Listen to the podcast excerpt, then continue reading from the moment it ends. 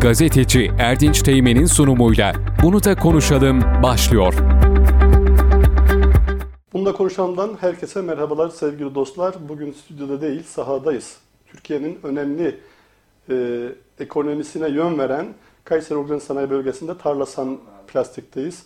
E, dolayısıyla e, başarı hikayesinden bahsedeceğiz. Nedir?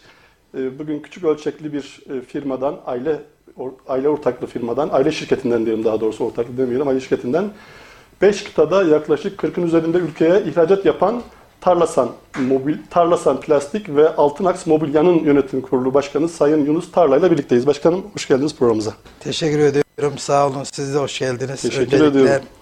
sanayicilerimize bir moral motivasyon oluyor. Elbette hep birlikte başarıya koşmamız hep birlikte olacak inşallah. İnşallah. Bu arada tabii 10 Ocak Çalışan Gazeteciler Günü'nü kutluyorum. Bugün Eyvallah, de çok çok önemli bir günde geldiniz. Çalışan bütün basın camiasına başarılar diliyorum, sağlık diliyorum. Nice uzun yıllarda sağlıkla erişmelerini diliyorum inşallah. Teşekkür ederim. İnşallah. Tabii Yunus Başkan e, bu işlerin piri. Hakikaten ekranlardan kendisini zaten tanıyorsunuz ama biraz sonra tanıyacağız. Çocukluğuna ineceğiz. Çünkü bir başarı hikayesi var ortada. İfade ettim. Yaklaşık 40 ülkeye 5 kıtada ihracat yapan hem Türkiye ekonomisine hem Kayseri ekonomisine çok ciddi manada hem istihdam anlamında hem de maddi anlamda, ihracat anlamında çok büyük katkısı olan bir firmayı ben aslında sizinle, size, sizinle paylaşmak istiyorum. Dolayısıyla e, başkanım e, tabii de az önce ifade ettim e, sizi ekranlardan zaman zaman tanıyor izleyenlerimiz, dinleyenlerimiz ve takipçilerimiz. Ama biz Yunus Tarla'yı bir sizin ağzınızdan bir dinleyelim.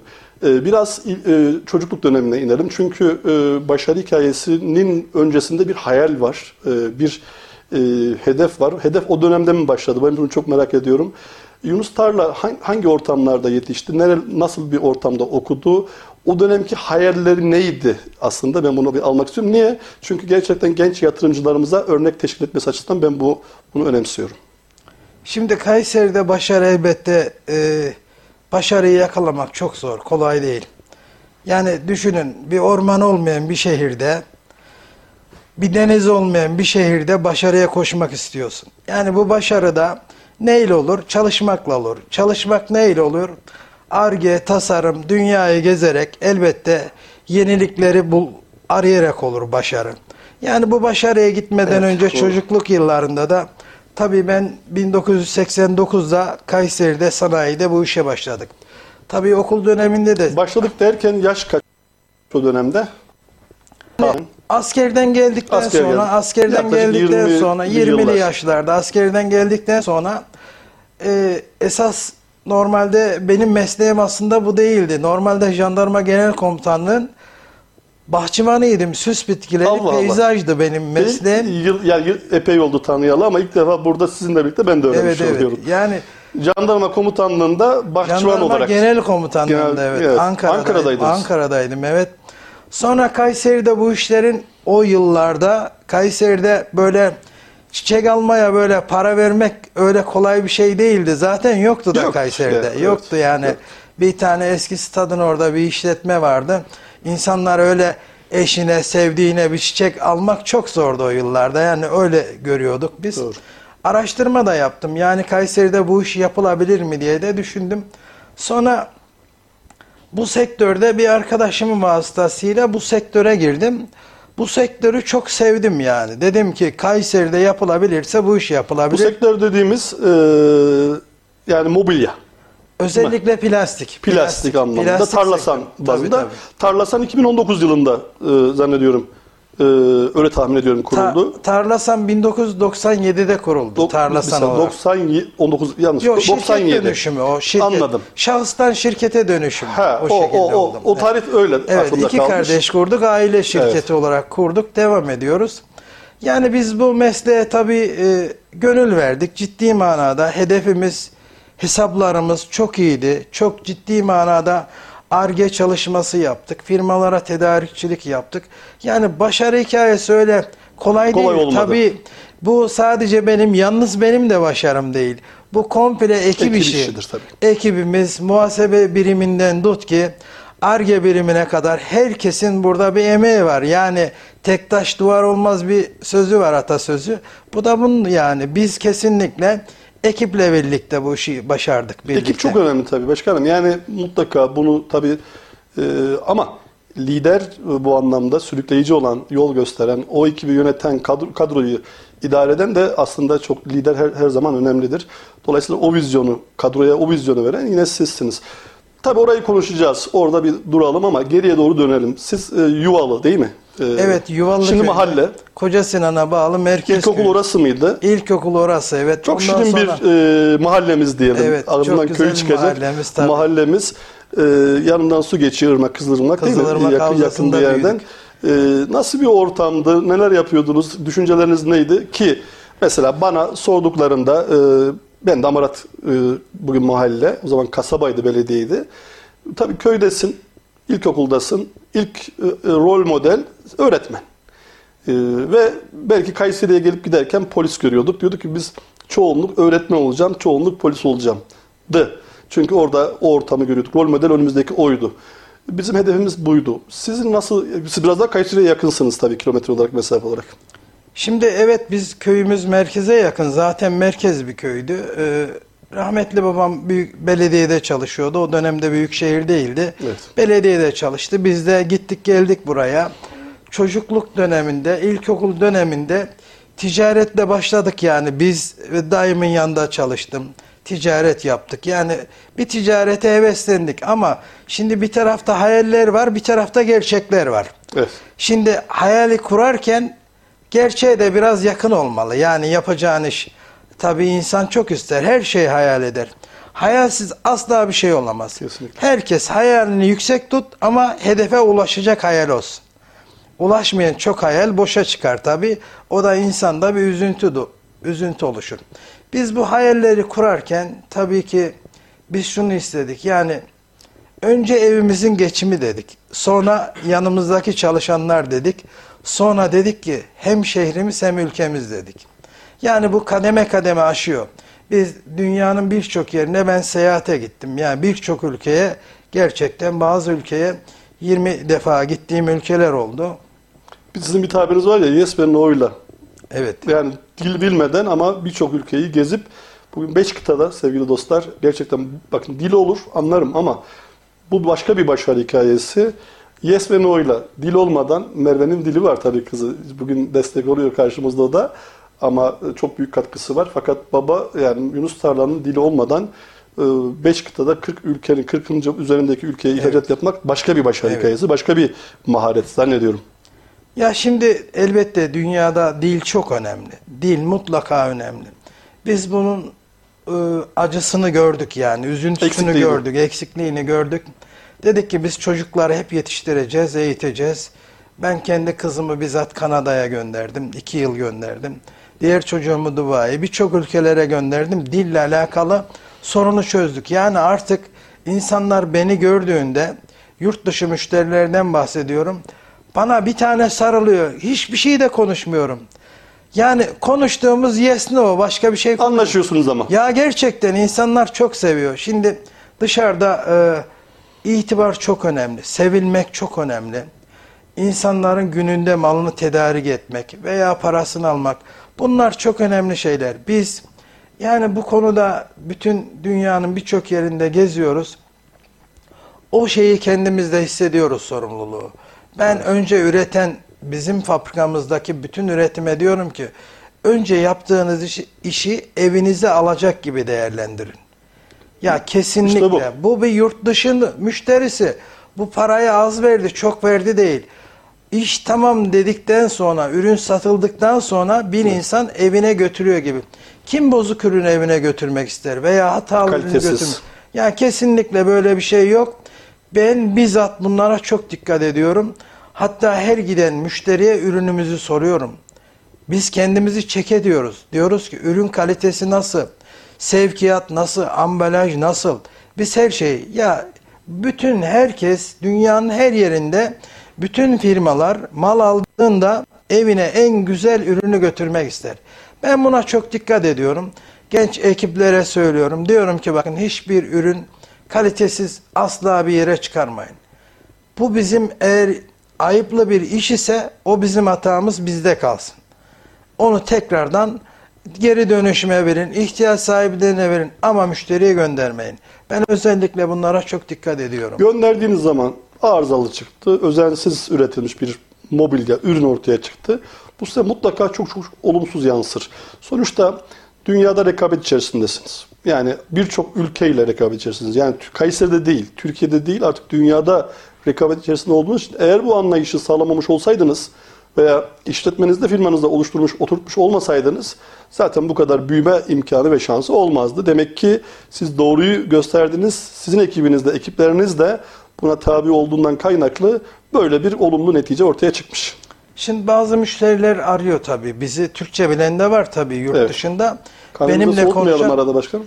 benimle de konuşuyor. Diyor ki bak abi diyor şöyle bir hata var diyor. Abi diyorum hata bizim. Hemen sana bir ekip göndereyim. Orada bu hatayı gidereyim. Abi sen ne diyorsun diyor ya. Bunun için sen ekip mi göndereceksin? Göndereceğim diyor. Şaşırıyor. Şaşırıyor. Görmemiş. Abi bizim işimiz bugün Kayseri'nin her noktasında elbette ürünümüz satılıyor. Ee, AVM'de mağazamızda var. Oradan da satılıyor. Ama biz özellikle ihracata çok önem veriyoruz. İhracatta bir tane ayıplı bir mal, sıkıntılı bir malın gitmesi hiç doğru, hoş değil. Yani ben bunu doğru bulmuyorum. Zaten müşteriyle de böyle konuştuğumuzda hemen sorun aşılıyor. Biz de geri tekrardan müşterilere ziyarete gidiyoruz. Evet. Arkasına ürünü gönderince. Çok şükür bir sıkıntı olmadı bugüne kadar. Öyle ciddi kayda değer bir şey olmadı. Evet. Kaliteyi başında nasıl korsan o şekilde gidiyor. Evet. Okurken ilkokul oraya tekrar dönmek istiyorum. Biraz çocukluğa dönmek istiyorum. Evet. Evet. yani okurken e, böyle bir hayaliniz var mıydı? Ya da neydi planınız, hedefiniz? Yoksa bu e, yani mutlaka hayal vardır. Mutlaka aklınızda bir şey vardır. Ben bunu çok merak ediyorum. Şimdi e, ben bazen espri olarak söylüyorum. E, ticaret yapıyoruz yıllardır. Bugün 20 27-28 senemiz oldu ticarette. E, çocukluğu desen çoğunu hatırlayamıyorum. Çünkü hani diyorlar ticaret yapan üzerinden tren geçiyor diye. Biz e, işte kamuda Çok görev yaptık. Evet. E, işte siyasi partide görev yaptık. Sivil toplum örgütlerinde görev yapıyoruz. Bazen kendi şeyimizi bile unutuyoruz. Doğru. Yani biz şunu istiyoruz. Çocukluk döneminde de elbette hep başarılı geçti. Yani biz asla başarısızlığı veya farklı bizim sadece düşünmemiz bu vatana, millete, topluma nasıl bir faydalı birey oluruz. Ana hedef Hedefimiz buydu. buydu. Ana hedef buydu. Yani Ana önce çok güzel ifade ettiniz. Önce kendi geçimimizi, ailemizi sorumlu olduğumuz ilk çekirdek aileyi bir meşak, m, onun meşakkatini, onun sorumluluğunu taşımak. Daha sonra şehrimize katkı anlamında ki yani özellikle sizin bulunmuş olduğunuz mobilya sektörü sevgili dostlar. Bugün mobilya sektörü 100 bin üretim, üretici var Türkiye genelinde. Bu rakamlar e, son güncel rakamlar. 100 bin üretici firma var ve 300 bin tane insana istihdam sağlıyorsunuz bu anlamda. Dolayısıyla bu fayda dediniz ya yani şehre fayda, ülkeye fayda. Bugün Türkiye'nin 2023 vizyonuna oraya da gireceğiz biraz sonra. E, katkı sağlama anlamında aslında önemli bir hedef. Yani küçükten alıp büyüğe kadar aileden başlayıp ülkenin e, ekonomisine, faydasına, e, istihdamına, ekonomisine vergi vererek çok ciddi oranda da vergiler verdiğinizi biliyorum. Bu hedefi bugün tutturmuş e, durumdasınız elhamdülillah. Şimdi sanayici olarak Ama hedef bitmez değil mi? Hedef daha yani Şimdi- 40 niye e, 80-100 olmasın? Şimdi teknoloji dünyada sürekli değiştiği için hedef asla bitmez. Yani bizdeki makine yatırımı ve parkı çok önemli. Yani makine yatırımı. Dünyanın en son teknolojilerini sürekli şu anda uyguluyoruz. Fabrikamızda bizzat bunu yapıyoruz. Yani bu e, piyasada zaten bizi hep öyle biliyorlar. Farklı iş yapar, teknolojik iş yapar Evet. olarak biliyorlar. Bu noktada iyiyiz, bir sıkıntı yok. Biz şimdi dünyanın Dünyanın bu işi yapan işte e, büyük ülkeleri Çin gibi e, birçok ülkede gidiyoruz. Yeni teknolojileri araştırıyoruz. Araştırıp Türkiye'ye makine ekipmanını getiriyoruz. Evet. Türkiye'deki makine ekipmanını kurup üretime geçiyoruz. bu ne demek oluyor? Buradan dünyaya satış anlamına geliyor. Şimdi bu ortalama bu satışların veya şeylerin, yeniliklerin önce şöyle bakalım olaya. Ee, Türkiye'de faydalı bir birey olmak için sadece asker polis olmak gerekmiyor. Bizim ecdadımız da bu ülkede çok fedakarlıklar yapmış, çok cefakarlıklar. Farklı çok... ülkeyiz o anlamda Yani anlayış olarak. biz- Kadim bir devletiz, milletiz. Biz şimdi sanayiciyiz. Bizim işimiz çalışmak, üretmek. Üretmek ne demek? Yani biz işte askerimize de destek oluyoruz, polisimize de, devletimize de. Bizim işimiz bu. İşimiz bu olduğu için elbette ekonomimiz güçlü olması lazım. Bizim çarklarımız iyi dönüyor olması lazım. Biz bu konuda bizim görevimiz bu. Şu anda çalışmak. Çalışmak başka bir şey değil. Biz çalışacağız. İstihdama katkıda bulunacağız. ihracata katkıda bulunacağız. Hedeflerimizi her zaman ileride tutmak zorundayız. Evet doğru. Şimdi başkanım tabii yine e, sektörü konuşacağız ama önce bir tarlasanı işte altın aksı nedir, ne yapıyoruz? Tarlasan ana değil mi şirket? Bizde ana şirket, evet. Ama Tarlasan şey e, altın aks mobilya bir mobilya üreten farklı bir alan. İsterseniz buradan biraz yani Tarlasan ne yapar, altın aks ne yapar, hangi aşamadayız? Şimdi biz yapılandırmayı şu şekilde yaptık. Evet. Ee, bizim esas ana firmamız Tarlasan Plastik. Siz öyle bilirler. Tabii ana firmamız bu. Biz yıllardır bu camianın içindeyiz. Evet. Bizi bütün tanıyan eş dostumuz hep o şekilde bilir. Biz e, haliyle bizden nesiller genç ekip büyüyünce e, hepsini bir arada tutmak istemedim. Yani bir iş görev dağılımı yaptım.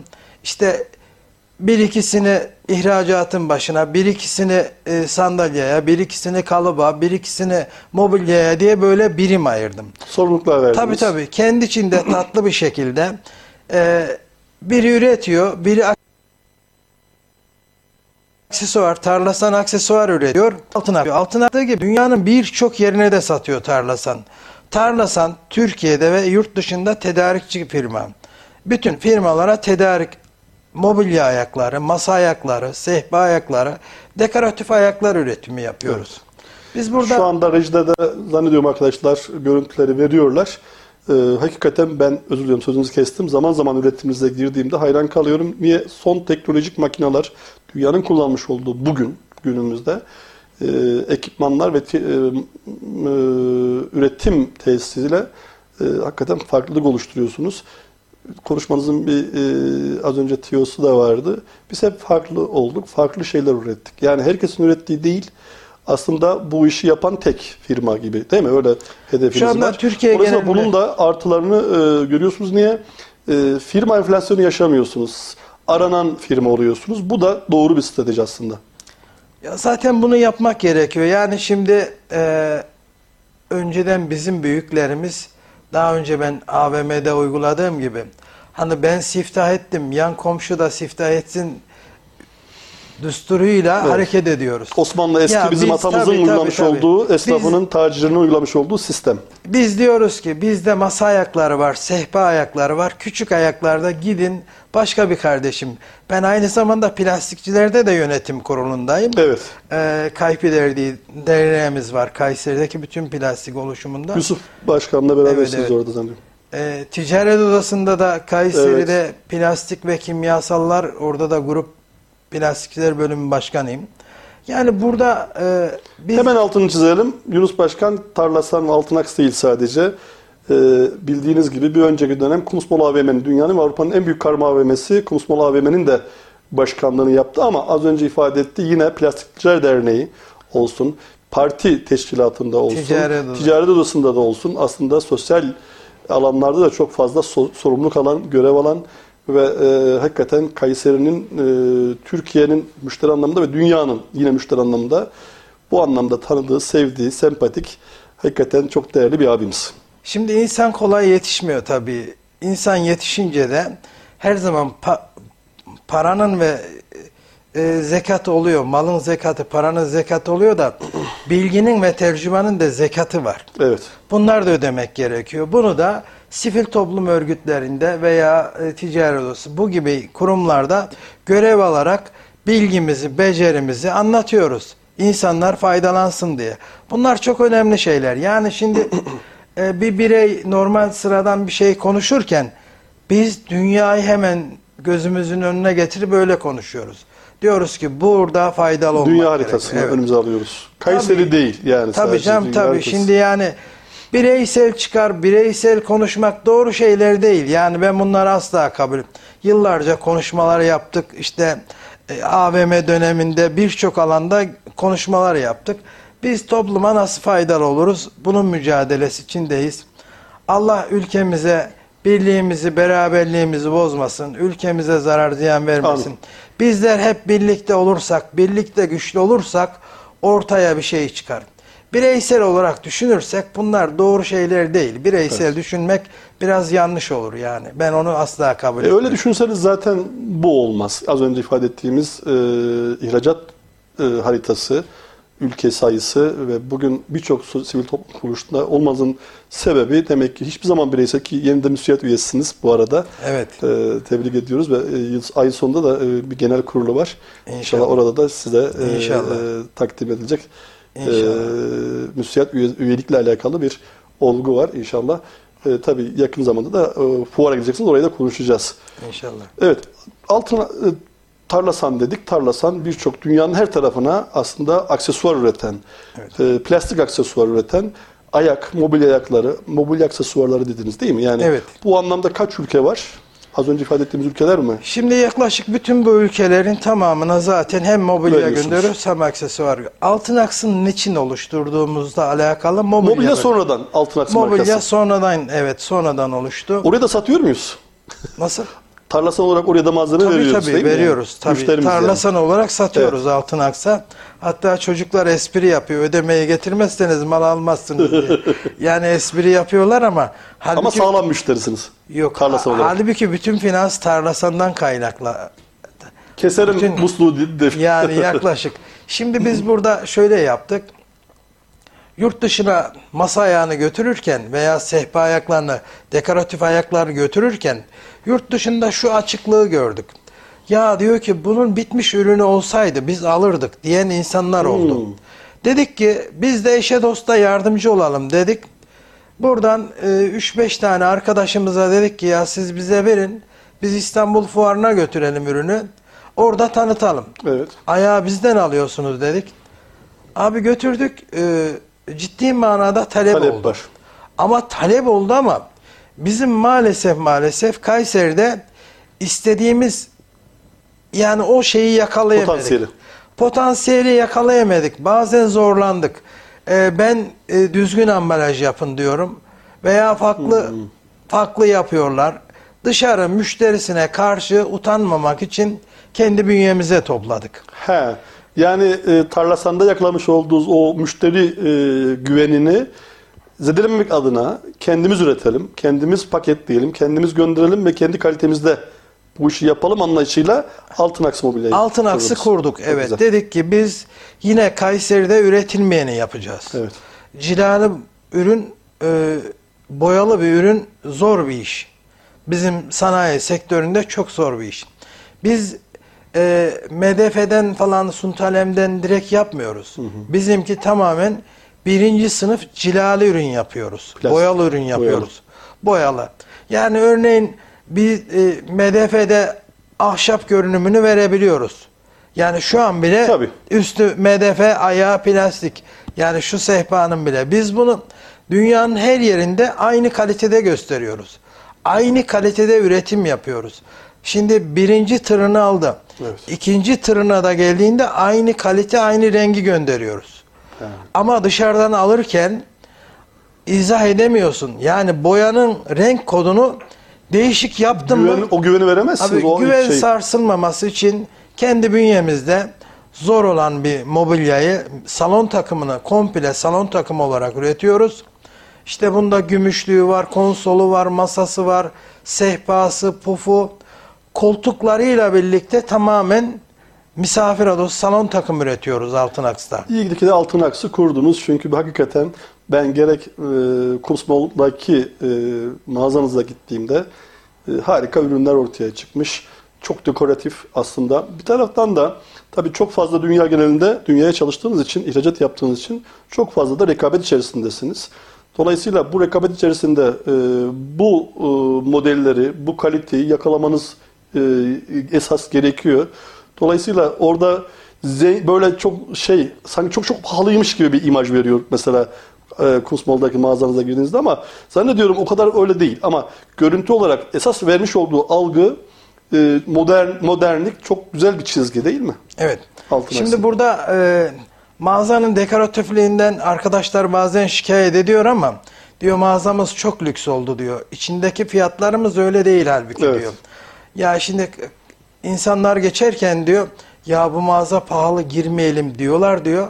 Buyurun yardımcı olayım deyince arkadaşlar fiyatı duyunca o güzelmiş diye içine giriyor Evet. diyor. Ya burada önemli olan insanlar evinde ürün kullanacak.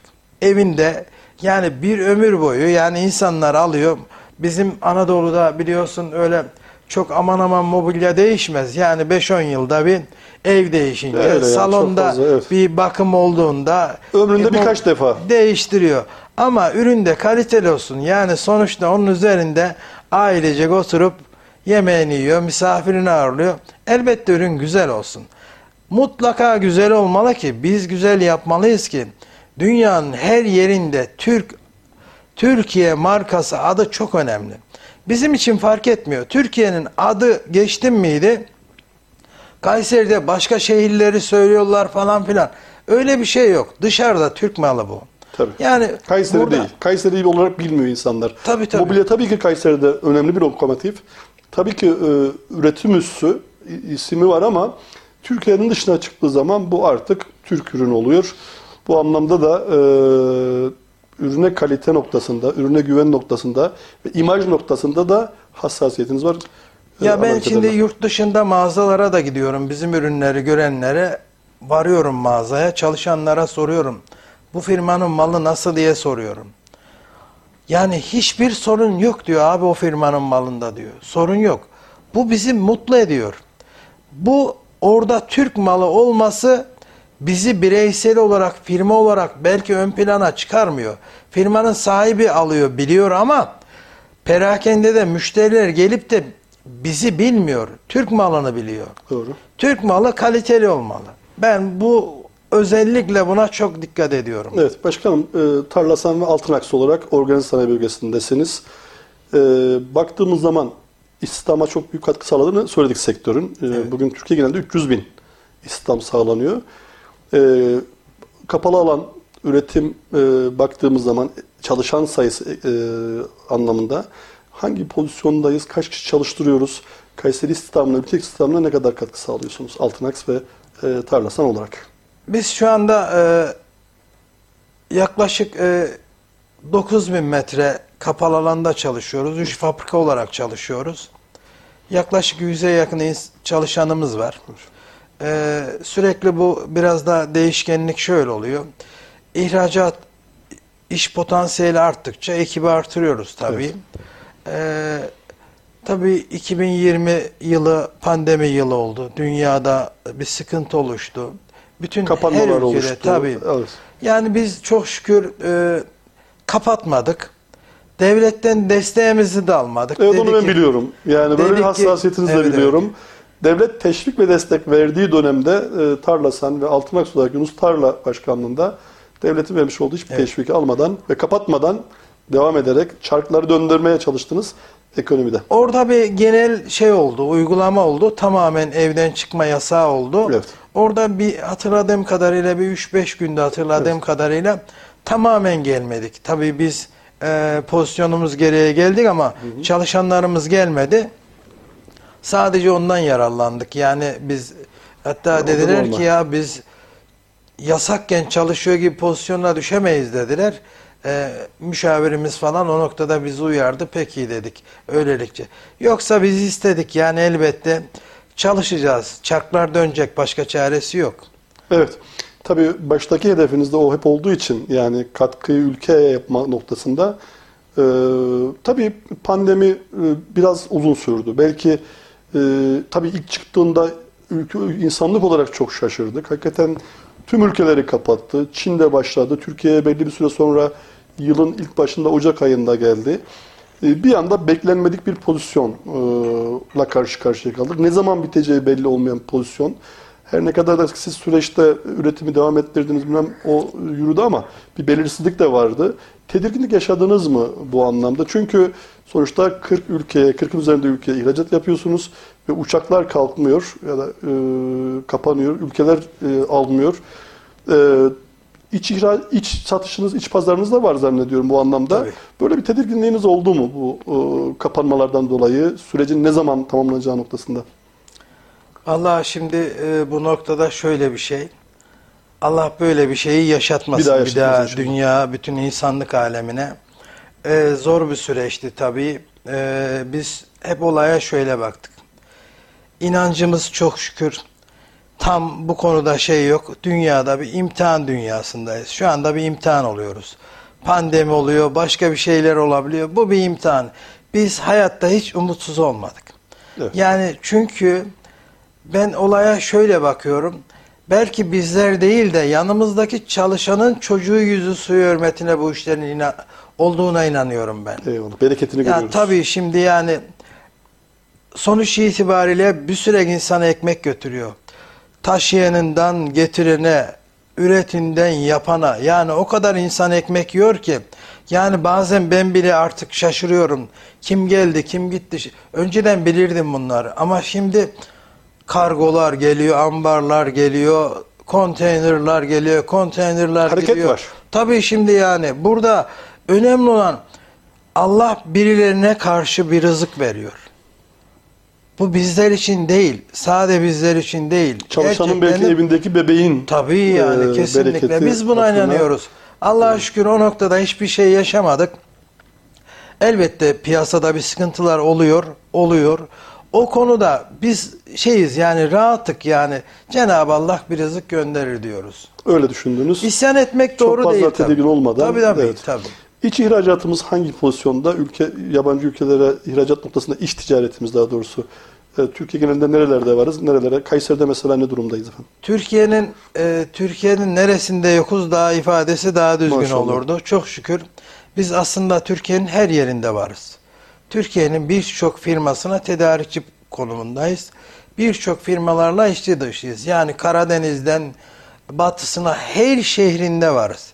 Yani Tarlasan bu noktada Allah'a şükür iyi tanınıyor. Bu noktada şey yok. Ee, yıllarımız geçti tabii. Seyahatlerimiz oldu. ikili görüşmelerimiz, fuarlarımız oluyor. Biz sürekli fuarlara da katılıyoruz. Kendimizi anlatıyoruz. Tabii fabrikada durarak hiçbir şey olmuyor. Biz kendimizi fuarlarla birlikte anlatarak hareket ediyoruz. Evet.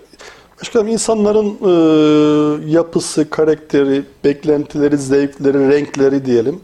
Bu sizin aslında ana hedefiniz. Niye? Çünkü o beklentilere, o taleplere e, bunu iyi tespit etmek lazım. Bunu iyi takip etmek lazım. Bu da bir ekip işi mutlaka. İçeride bir ekiple bunu yapıyorsunuz. ARGE her şeyden çok önemli. O modernliği, o yeni teknolojiyi yakalamakta teçhizat kadar ARGE çalışması da önemli. E, modeller üretmek, taleplere karşı e, cevap verebilmek, yeni yeni modeller üretmek, ürettiğiniz modelin talep görmesi ARGE'nin güçlü olmasına bağlı. Burada e, nasıl bir ekip çalışıyor siz de ARGE'de efendim? Şimdi biz ARGE bölümümüzü kendi bünyemizde bizim. Kalıp özellikle. Kalıbı önce kalıbı üreteceksin ki plastiği ondan sonra üretesin. Tabii, kalıpla Kalıbı biz kendimiz üretiyoruz. Şöyle üretiyoruz. ARGE'miz tasarımını yapıyor. Görüşler alıyoruz firmalardan. Diyoruz ki bak şöyle bir ürün çıkaracağız diyoruz. ARGE'sini oluşturuyoruz. Firmalar hemen çabuk görüyor. Diyor ki şurasını böyle yap, burasını böyle yap diyor. En az böyle 10 firmaya, 5 firmaya sorduğunda neticeleniyor bu. Modeli de çok beğeniyor tabii. Evet. Biz bu modelin darbe testini yapıyoruz. Kendi simülasyonla. dayanıklılık. Ee, dayanıklılık testini yapıyoruz. Kalıplama testini, her şeyini yaptıktan sonra seri üretime sokuyoruz. Seri üretimde Arge'den çıktıktan sonra bile nihai kullanıcıya gidene kadar bu bir Arge'dir zaten. Evet. Uygulamaya bakıyoruz, yerinde inceliyoruz. Okey aldıktan sonra seri üretime geçiyoruz. Evet. Şimdi tabii dünyaya e, ihracat yapan ve Türkiye içerisinde de çoğunu da yeni öğreniyorum. Hakikaten olmadığımız yer yok. Her tarafa tedarik Çok şükür. ürün gönderiyoruz diyorsunuz. E, bu potansiyele ulaşmak çok önemli tabii ki. Şimdi baktığımız zaman e, bir pandemi dönemi yaşadık. Ciddi sıkıntılar işte her taraf sıkıntı yaşadı. Arkasından bir savaş Ukrayna e, Rusya savaşı Evet. ortaya çıktı. Tabii ki olaylar bir anda e, beklenmedik e, seviyeye ulaştı. E, bu bağlamda e, hedeflerinizde bir sapma oldu mu? E, yani e, mesela e, Çin'de çıkan olay pandemi bir anda Çin'i arka plana itti. Fakat Türkiye bu anlamda tekrar bir avantajlı konuma geldi. Yani Avrupa'ya yakınlığıyla, iş gücüyle, genç nüfusuyla e, bu anlamda e, size artısı mı oldu bu sürecin? E, e, yani şeyin kayması, bu tarafa kayması, tedarik zincirinin bu tarafa doğru kayması nasıl bir artı sağladı sizlere?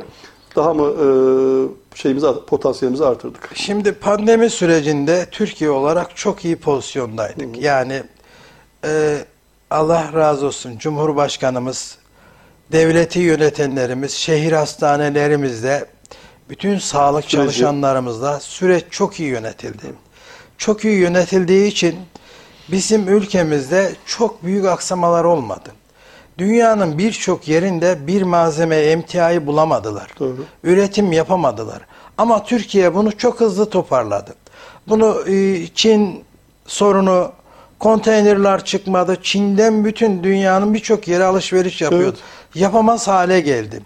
Bugün e, Ukrayna e, işte Ukrayna Rusya savaşı ile alakalı o taraf bölgede de büyük problemler oldu. İnsanlar dünyanın birçok yeri tedariği yapamadı. Doğru. Türkiye çok başarıyla bugün TÜİK, TÜİK açıkladığı Evet. ihracat verileri de ortada. Evet. Bu şunu destekliyor. Yani gerçekten Türkiye çok büyük ihracatta başarıyı yakaladı. Eğer dünyadaki emtia fiyatlarında büyük değişkenlik olmasaydı Türkiye çok kat ve kat gidecekti. Ama tabii ki şu anda bütün fiyatlarda her şeye yansıdığı gibi elbette bir takım sıkıntılar Enflasyon oluyor. sıkıntısı Enflasyonla alakalı elbette bir sıkıntılar oluyor. Bu ama elde olmayan sebepler oldu işin içine girdi. Sağlık sektörü girdi, savaş girdi, birçok şey girdi devreye. Bu devrenin içinde şu anda Türkiye'nin pozisyonu bence çok iyi başarıya gidiyor. Biz çok umutla bakıyoruz bu işe. Evet. Hakikaten ifade ettiğiniz gibi dünya bugün resesyonu konuşuyor. Yani iflasın eşiğinde olan e, özellikle, çıkan savaştan kaynaklı Rusya'daki ve Ukrayna'daki enerjinin bu tarafa etkileniyor ülkeler. E, Avrupa bugün ciddi manada enerji sıkıntısı çekiyor. Fakat Türkiye tarımda, enerjideki bu sorunun çözülmesinde de e, ülkenin Cumhurbaşkanı biliyorsunuz malum girişimlerde bulundu ve başarılı oldu. Çok Aslında krizi e, bu anlamda e, ciddi manada çözmüş oldu. Bu Türkiye'nin de algısını dışarıya karşı ciddi manada artırdı, olumlu algısını. Evet dedik dünya rese- resesyonunu konuşurken Türkiye her ay Cumhuriyet tarihinin en büyük ihracat rekorlarını kırdı. Yani Ocak ayından tutun da Ocak'ta farklı bir rekor, Şubat'ta, Mart'ta hep kendini geliştirerek 2021 yılına baktığımızda 2021 e, 2023 yılına girdiğimizde geçen yılla bu sene arasındaki e, büyüme ihracattaki %13. Bunu nasıl sağladı ülke, Türkiye? Yani bu, bunu neye bağlıyorsunuz? Bir işletmeci olarak, sahada olan bir e, iş adamı olarak. Şimdi bu işe inanmadan olmuyor. İnanmak gerekiyor öncelikle. Türkiye olarak gerçekten istikrarlı bir hükümetimiz, istikrarlı bir yerel yönetimlerimiz bizi çok iyi başarıya götürdü. Biz sonuç itibariyle biz o sıkıntılı dönemleri yıllar önce yani 20-30 seneki önceki yılları da biliyoruz. Bugün şu anda biz daha önce Avrupa'ya çok iyi baktığımız yıllardan bahsediyorum. Bugün iş tersine döndü onlar Türkiye'ye çok iyi bakıyor. Yani bu bizim için çok önemli. Elbette bu veriler daha yükselecek. Biz inanıyoruz buna. Bu inanmaktan başka bir şey değil. Eğer inanmasaydık şöyle oldu böyle oldu onlara Mazeret, gerek yok. e, e, ya gerek yok onlara çalışmak lazım. Kapıları zorlamak lazım. İnadına inadına gitmek lazım, satmak lazım. Yani bu işte başarı başarının tek yolu bir yerden bir yere gidersen bir çay kısmet olur. Gitmezsen o çay da kısmet olmaz. Doğru. Olay böyle gerçeği kısa olarak anlatıyorum. Gezen yatandan aslan Tabii tabii yani daha şimdi insanlar gezecek, tanıtacak. Elbette fiyatlarda bir takım artmalar falan olmuştur. Maliyetler Onu- artıyor sonuçta. Tabii tabii sonuç Dışa itibariyle. bağımlıyız önemli bir oranda bazı Ama şeylerde. sen maliyetten bahsederken diğer ülkeler ürün bulamadığından Ürün bulamadığından bahsediyor. bahsediyor, Doğru. Yok yani hiçbir şey yok. Yine çok şükür ben Rusya'yı da geziyorum, birçok yeri geziyorum, görüyorum. Biz maliyet arttı diyoruz. Adam diyor ki ne maliyeti? Ürün yok, ürün. Ürün yok. Yani para ile alamayacak pozisyonda. Tabii canım, Parası yok var. yani, tabii. Ürünü bulamıyor, ham maddeyi bulamıyor, üretimi yapamıyor. Dolayısıyla enerji olmadığından kaynaklı da fabrikasının kontağını kapatan ülkeler oldu bu süreçte. Yani acayip derecede Evet. dünyanın bugün Balkanlar coğrafyası, bugün e, Rusya coğrafyası gerçekten zor durumda. Yani Avrupa'da birçok yani insanlar artık e, zengini fukarası iyice belli olmaya başladı. Artık ayrıştı. Evet. Her şey değişti. Yani insanlar bırak onu e, eleman da bulamıyor çalışacak. İnsanlar nerelere gider? Karnını doyurduğu ülkelere gidiyor. Ben çok insan tanıyorum Türkiye'ye göç gelip. furyası, bir- tabii, değil mi? Tabii. İnsanlar Türkiye'ye geliyor, Rusya'dan Türkiye'ye çalışmaya geliyor. Önceden bu mümkün müydü? Avrupa'dan gelen insanlar da var yani burada çalışmak isteyen.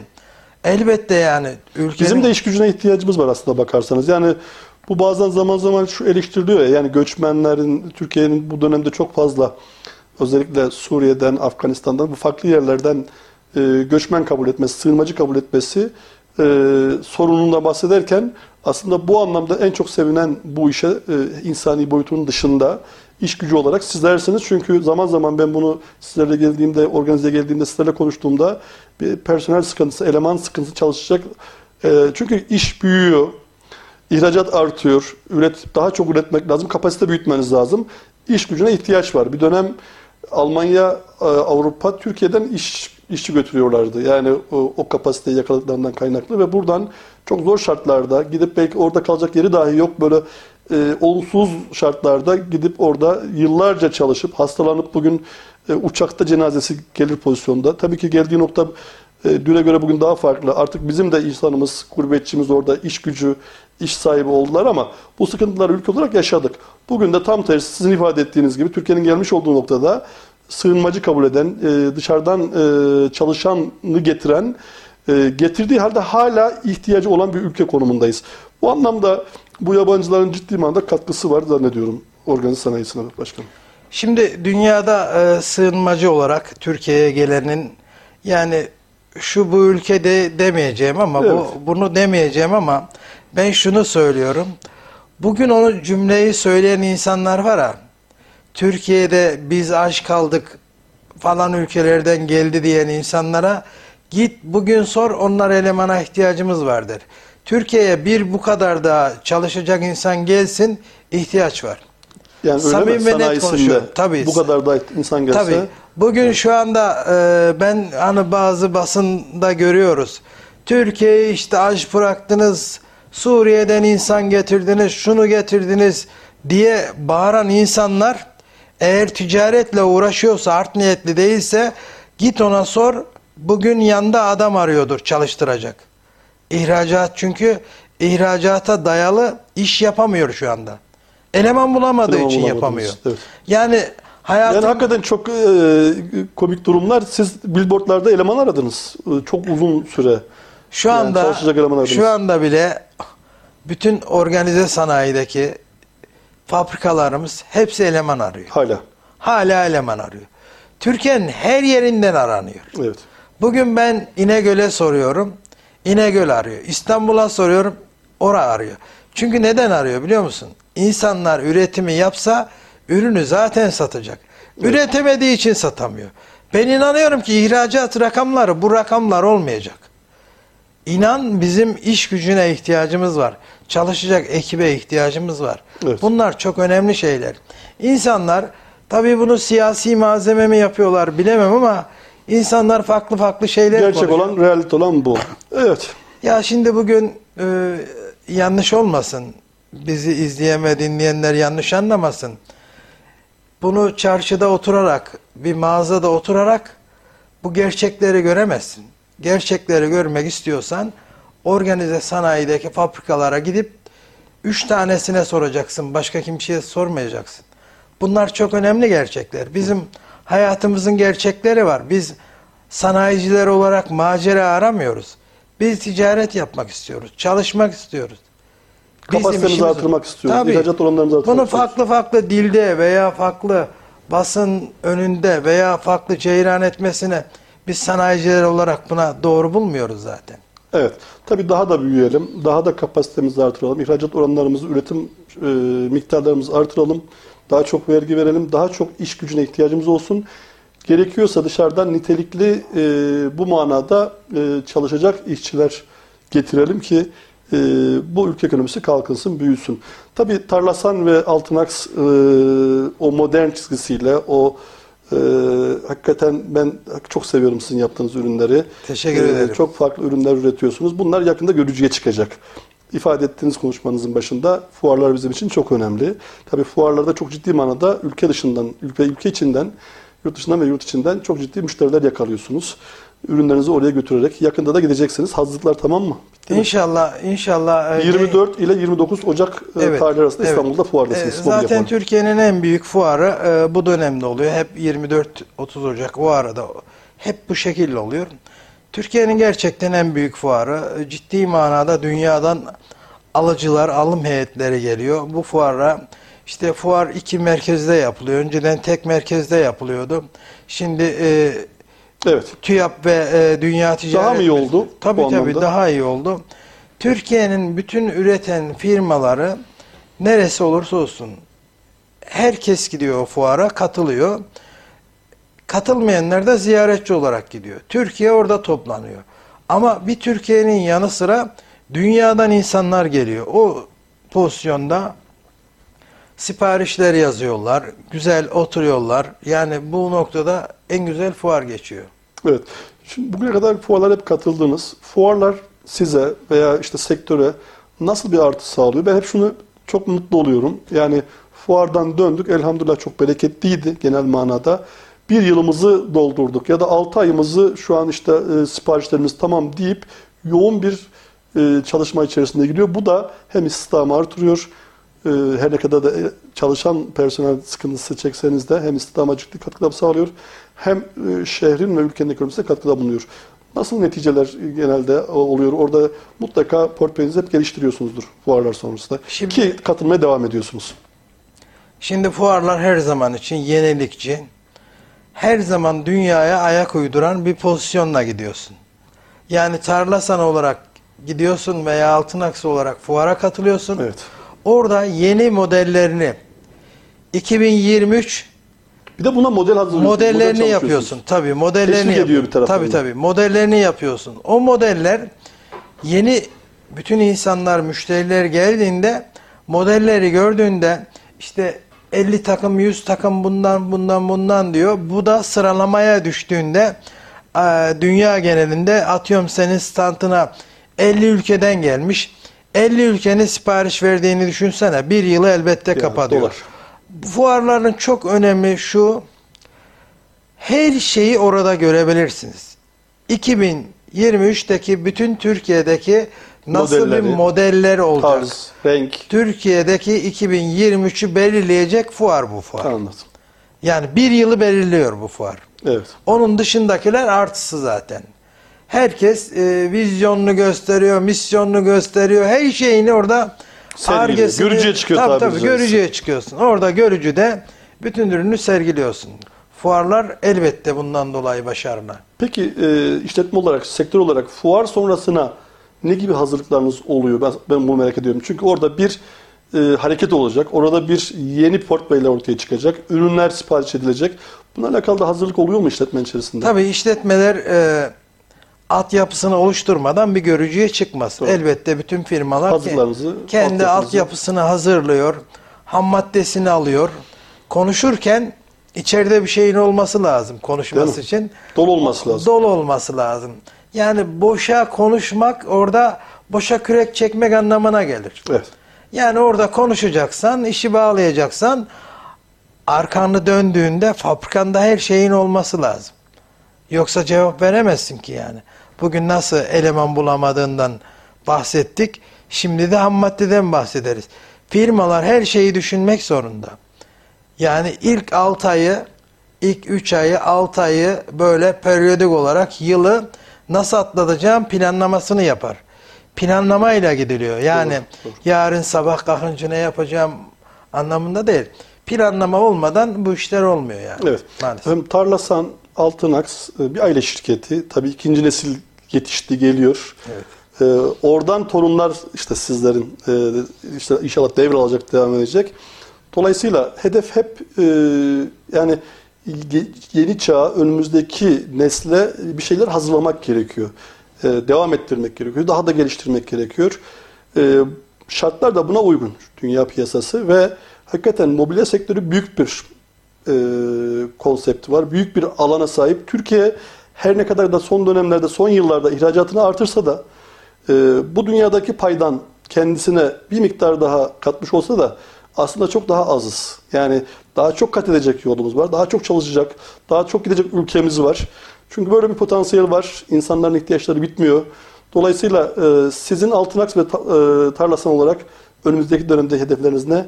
Genç nesilleri nasıl e, yönlendiriyorsunuz bu anlamda? Şimdi. Dünyadaki işlev hacmine baktığında Türkiye'deki ihracatımız veya mobilya üretimimiz bu döneleri resmi olarak hepsini biz biliyoruz Evet. kayıtlı. İnan samimi olarak çok söylüyorum. az, çok düşük öyle. Çok düşük. Yani Evet. dünyadaki mobilya e, hatırladığım kadarıyla yüzde üç buçuğunu falan Öyle, daha karşılıyoruz. kısmı yani falandı. böyle değiliz yani asla Niye böyle yüz- değiliz. yüzde on olduğu zaman ifade ettiğiniz dört katına çıkmış olacağız. Yüzde on beş olduğu zaman altı katına çıkmış olacağız. Bu da altı tane e, artı demek. Çok zor bir şey olmasa gerek yani. Ya şimdi biz e, önemli olan bu fuarların amacı bu zaten. Evet. Amacı bu. Özellikle dünyanın her yerine mobilyayı ulaştırabilmek, kaliteli hizmet sunabilmek, lojistiğinden tut ki argesinden, kalitesinden hepsi birbirine bağlıyor ambalajı. Onun için daha bizim çok yol kat edecek şeyimiz var. İnşallah son 4-5 yılda özellikle mobilyada çok iyi trend yakaladık. Yani özellikle 10-15 yıllık bir iyi trend yakaladık. Doğru. İyiye doğru gidiyoruz.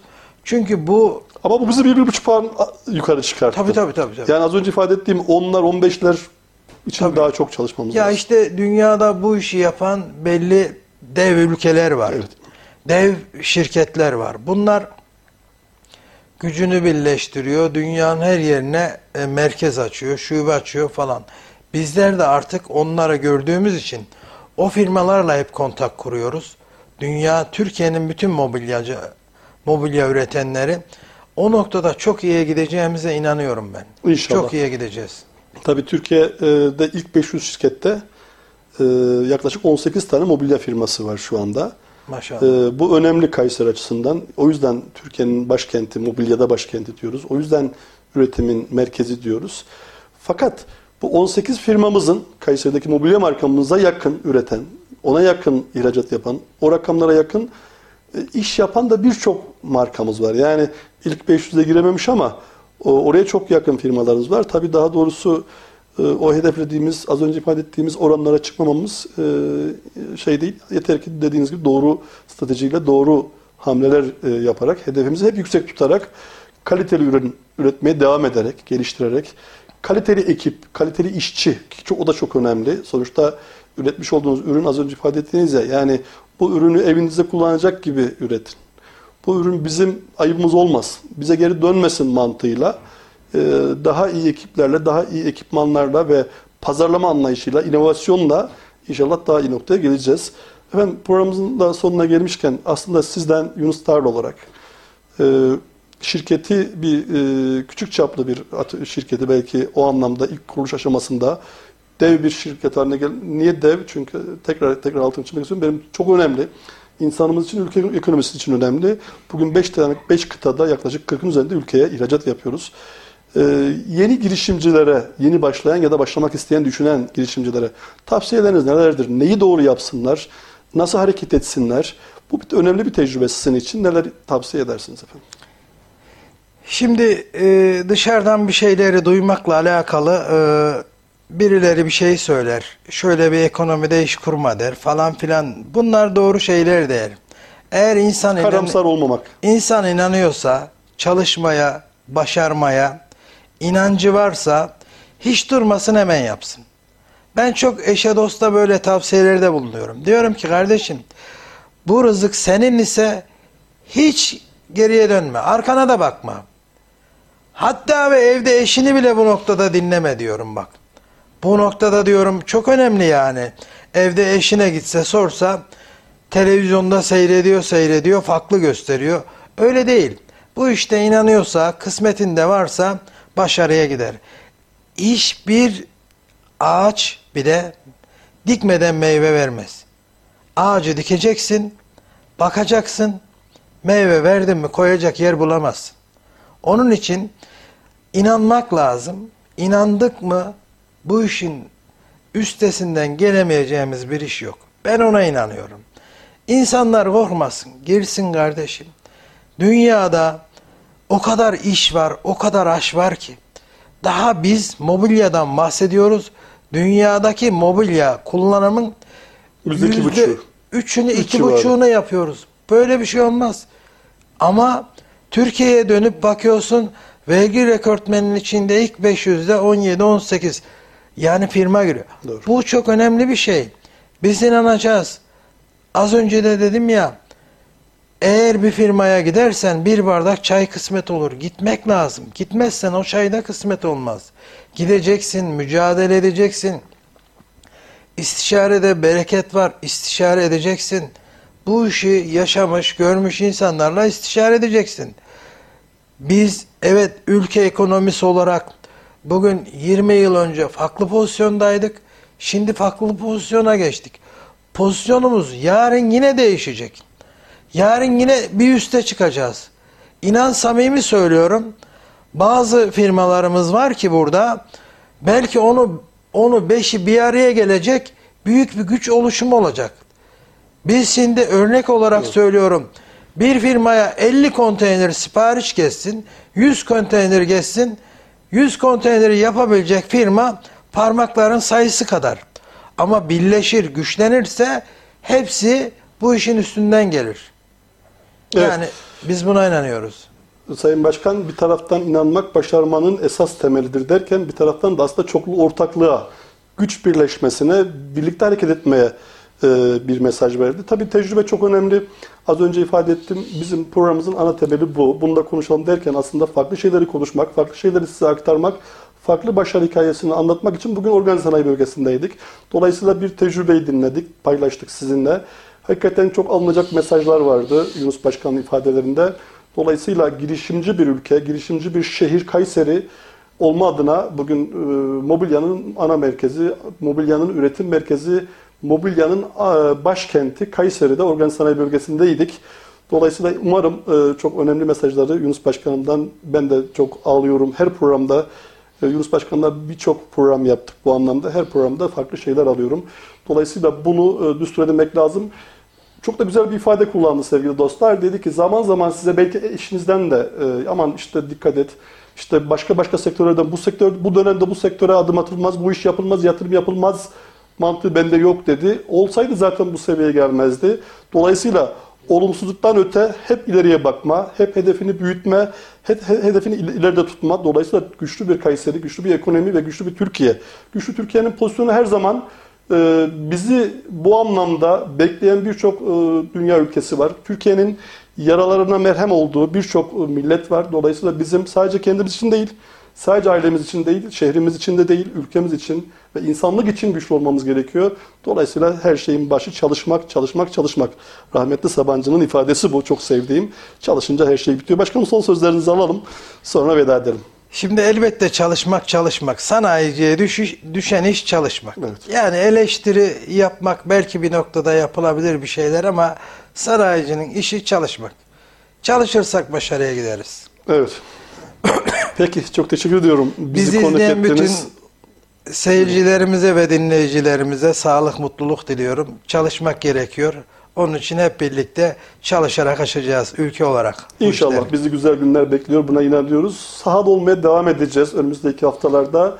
Çünkü e, stüdyoda olup e, program yapmaktan öte ben bunu daha çok seviyor ve e, önemsiyorum. Dolayısıyla burada olmak önemliydi, doğruydu. Bizi çok güzel ağırladı. Kahveniz çok iyiydi.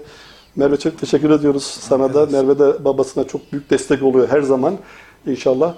Haftaya farklı bir konukla karşınızda olmak üzere. Şimdilik hoşçakalın efendim. Gazeteci Erdinç Teğmen'in sunumuyla Bunu da konuşalım sona erdi.